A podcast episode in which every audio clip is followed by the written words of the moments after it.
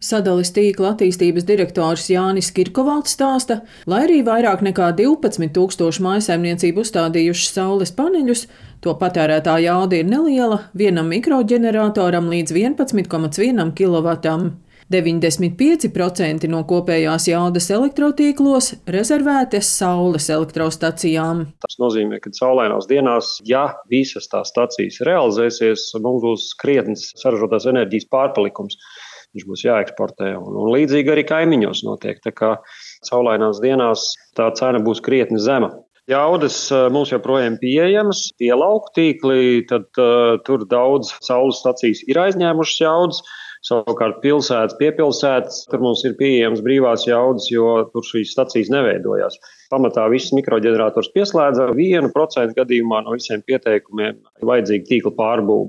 Mājasaimniecības jomās tie aktīvākie, es domāju, pagājušā gadā jau veica izbūvi. Bet nu, šogad sagaidām arī turpinājumu, nedaudz mazākā apjomā, bet tāpat redzam, ka iespējams nepilni 80 megawati varētu vēl pienākt klāt.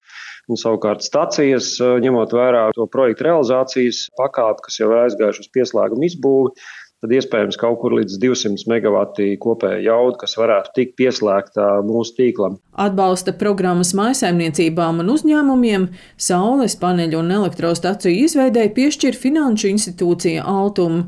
Jau apstiprināti 98 uzņēmumu pieteikumi pašpatēriņa nodrošināšanai 9883 MWh apjomā. Altuma energoefektivitātes programmu departamenta vadītāja Ieva Vērzemniece stāsta, ka par privātmāju energoefektivitātes programmu liela interese bijusi vasarā, ziemā interese samazinājusies. Kopumā mums šobrīd ir apstiprināti 550 pieteikumi uz saules paneļu uzstādīšanu privātmājās, un jau 409 privātmājas ir saņēmušas šo valsts atbalstu par summu 1,35 miljonu eiro. Atkarībā no saules paneļa jaudas valsts ir līdz 4000 eiro. Šobrīd plānojam, ka programma noteikti būs atvērta līdz vasaras sākumam. Tā kā, ja ir doma un plāns par saules paneļiem savā privātmājā, tad ir īstais laiks rosīties un sākt gatavot pieteikumu. Arī Latvijas vides investīcija fonda finanšu vadītājs Gīns Kārkliņš stāsta, ka no 30 miljoniem eiro, kas paredzēti mājsaimniecībām atjaunojamo energoresursu izmantošanai, šobrīd izsniegti apmēram 18 miljoni eiro, tātad nauda vēl ir pieejama. Šogad eh, var piesniegt projektu pieteikumus par 11,1 miljonu eiro. Ir plānoti grozījumi ministra kabineta noteikumos, kas atvieglotu pieteikšanās kārtību un arī vienlaicīgi plānots palielināt pieejamo finansējumu šāda veida projektu realizācijai.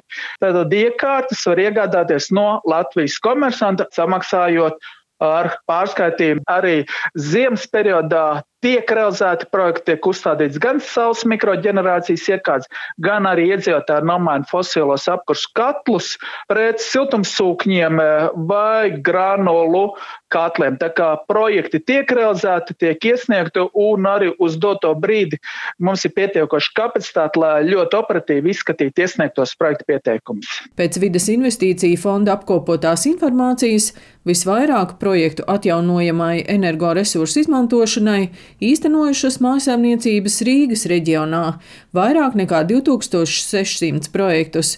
Vismazāk projekti īstenoti Latvijā - 204, bet no novadiem līderis ir Mārupes novads ar 635 projektiem.